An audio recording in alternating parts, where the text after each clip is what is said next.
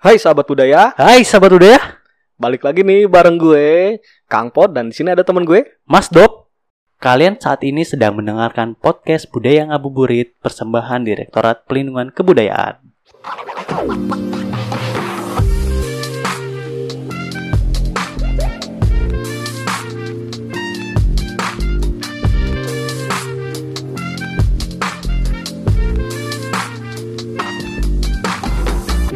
Kang Pot, ada Ya. apa sih hari ini? Kayaknya semangat banget nih. Ada yang baru nih. Apaan tuh?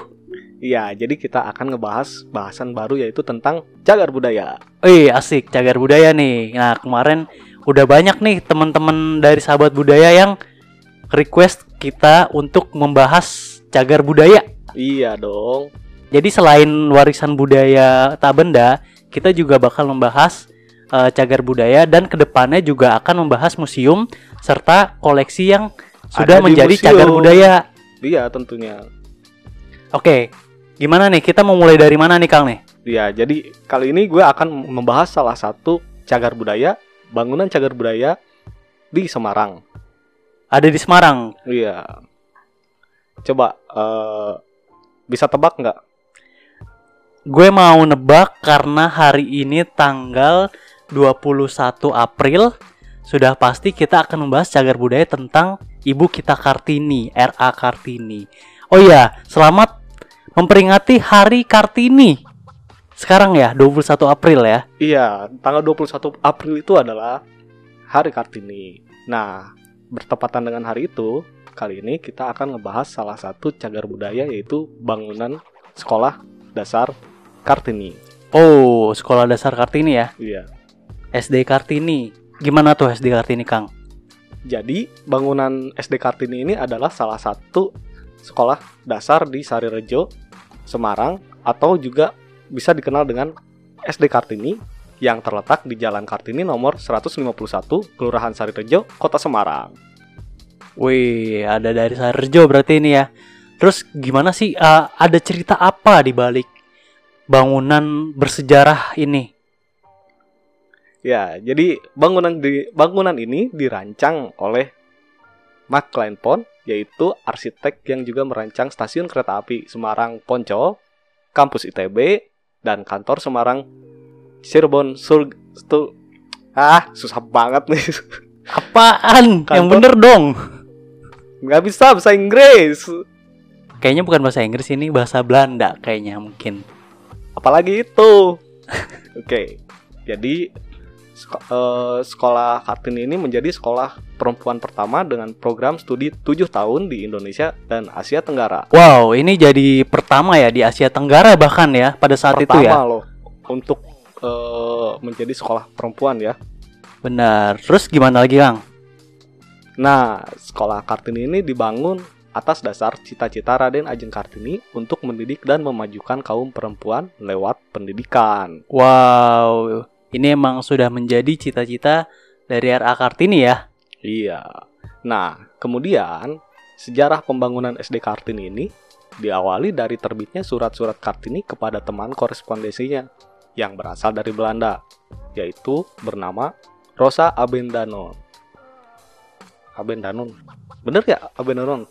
Bener bener bener. Kemudian eh, Abendanon ini menerbitkan dalam bentuk buku berjudul Duh, susah lagi gue bacanya ini. Ayo, apa ayo ini? Dor Disternistolih. gimana gimana? Udah lah. Gak bisa bahasa Inggris. Jadi intinya apa? ya, ininya? jadi intinya kalau kalian pasti udah tahu, yaitu buku yang terkenal dari era Kartini adalah Habis Gelap Terbitlah Terang. Habis gelap terbitlah terang berarti ya ini Iya. dalam bahasa Belandanya ya. Ya, yang nggak bisa bahasa Inggris tadi. Nggak bisa bahasa Belanda. Bahasa Belanda. Seneng lu, ketawa lu. Ya udah, kita lanjut lagi. Isi bukunya memberi inspirasi untuk membangkitkan simpati bagi perjuangan dalam meningkatkan derajat kaum perempuan di daerah Jawa. Buku tersebut menarik perhatian di Belanda hingga terbentuk perkumpulan Yayasan Kartini di Den Haag pada tahun 1913. Nah, pada tahun yang sama, Van de Venter membentuk ya elah tulisan lagi Apa yo? Vereniging yaitu Apa lagi coba? Vereniging Ya, yang artinya yaitu perkumpulan Kartini di Semarang yang dipimpin oleh Residen HCAG De Vogel dan Bupati Semarang Raden Mas Adipati Aryo Purbadiningrat dengan keputusan pemerintah pada tanggal 28 Maret 1913. Nah, kemudian di tahun yang sama pula sekolah ini akhirnya diresmikan pada tanggal 15 September. wow, masih di tahun yang sama sekolah ini kemudian diresmikan. Iya. Nah, karena sekolah ini telah diresmikan, maka setahun kemudian barulah sekolah Kartini ini dipindahkan dan menempati bangunan yang saat ini telah menjadi cagar budaya. Yaitu Wow. tadi di Sarirejo yang tadi. Yang di Sarjo tadi ya. Ya, itu adalah bangunan cagar budayanya. Jadi setahun setahun setelah diresmikan baru sekolah Kartini ini pindah dan menempati bangunan yang saat ini menjadi cagar budaya itu ya tadi ya. Iya. Dan ada satu lagi nih, berhubung ini masih hari Kartini, gue mau mempersembahkan sesuatu, Kang. Apaan tuh? Hmm. Ibu kita Kartini. Ya, cukup sekian dari Mas Dop. Mungkin ada tambahan lagi, Kang? Oh, tadi lu mau nyanyi ya? Udah bisa nyanyi. Ya udahlah.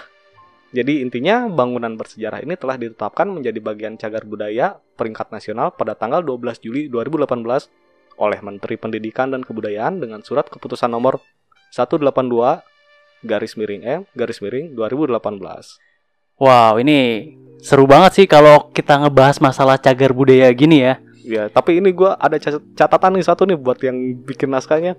Gimana gimana? Mana nih yang bikin naskahnya nih? Mana? Iya tuh di belakang tuh. No, ngeliatin aja ketawa mulu. Nggak bisa bahasa Inggris nih. Gak bisa bahasa Belanda. Belanda juga. Gak bisa nyanyi juga. Udah, udah, udah, udah, udah, udah, udah, udah, udah. Ya udah udah udah mulai udah mulai ke mana-mana nih kita traveling malah jadinya ya. Berhubung sudah mau waktu berbuka puasa juga, jadi kita mau mengucapkan selamat Berbuka puasa bagi Iya. sahabat budaya yang menjalankan ibadah puasa. Oke, mungkin cukup sekian untuk episode kali ini. Sampai jumpa. Di episode selanjutnya, Dadah. dadah.